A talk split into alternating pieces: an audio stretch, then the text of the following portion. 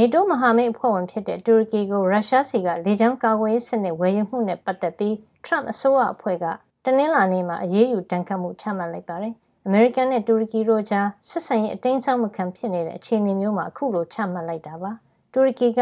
ရုရှားစီက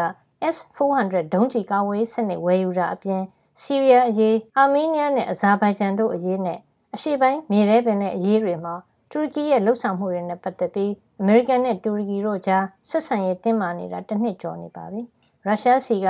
S400 ဒုံးကျည်ကာဝေးစနစ်ဟာနေတိုးစစ်ပစ္စည်းတွေနဲ့မရှင်နိုင်တဲ့အပြင်အခုလိုတူရကီရဲ့လှုပ်ဆောင်မှုဟာနေတိုးမဟာမိတ်နိုင်ငံတွေရဲ့လုံခြုံရေးကိုပါချင်းချောက်မှုရှိလာနိုင်တယ်လို့အမေရိကန်အရာရှိတွေကသတိပေးနေတာပါ။ဒါပေမဲ့တူရကီကိုအမေရိကန်ကသူ့ရဲ့ F-35 Stealth တိုက်လေယာဉ်ဝယ်ယူခွင့်ပိတ်ခဲ့ပြီး ဒီတိုက်လေယာဉ်နဲ့ပတ်သက်တဲ့လေ့ကျင့်မှုတွေမှာပါပါဝင်ခွင့်မပေးခဲ့တာကလွဲပြီးတခြားအရေးယူမှုတွေမလုပ်ခဲ့ပါဘူး။အခုတော့ဒီ S400 ကာကွယ်စနစ်ဝယ်ယူတာနဲ့ပတ်သက်ပြီးအန္တရာယ်ရှိတာကိုအမြင့်ဆုံးအဆင့်သတိပေးလိုက်တာဖြစ်ပြီးတူရကီအနေနဲ့ဒီကိစ္စကိုအမေရိကန်နဲ့လက်တွဲပြီးချက်ချင်းဖြေရှင်းဖို့တိုက်တွန်းကြောင်းအမေရိကန်နိုင်ငံသားရေးဝန်ကြီး Mike Pompeo ကကြေညာချက်ထုတ်ပြန်ပြောဆိုပါတယ်။တူရကီစစ်လက်နဲ့ဝယ်ယူရေးဆိုင်ရာဌာနတာဝန်ရှိသူတွေကိုပြစ်မှတ်ထားပြီးအမေရိကန်ကအရေးယူလိုက်တာဖြစ်ပါတယ်။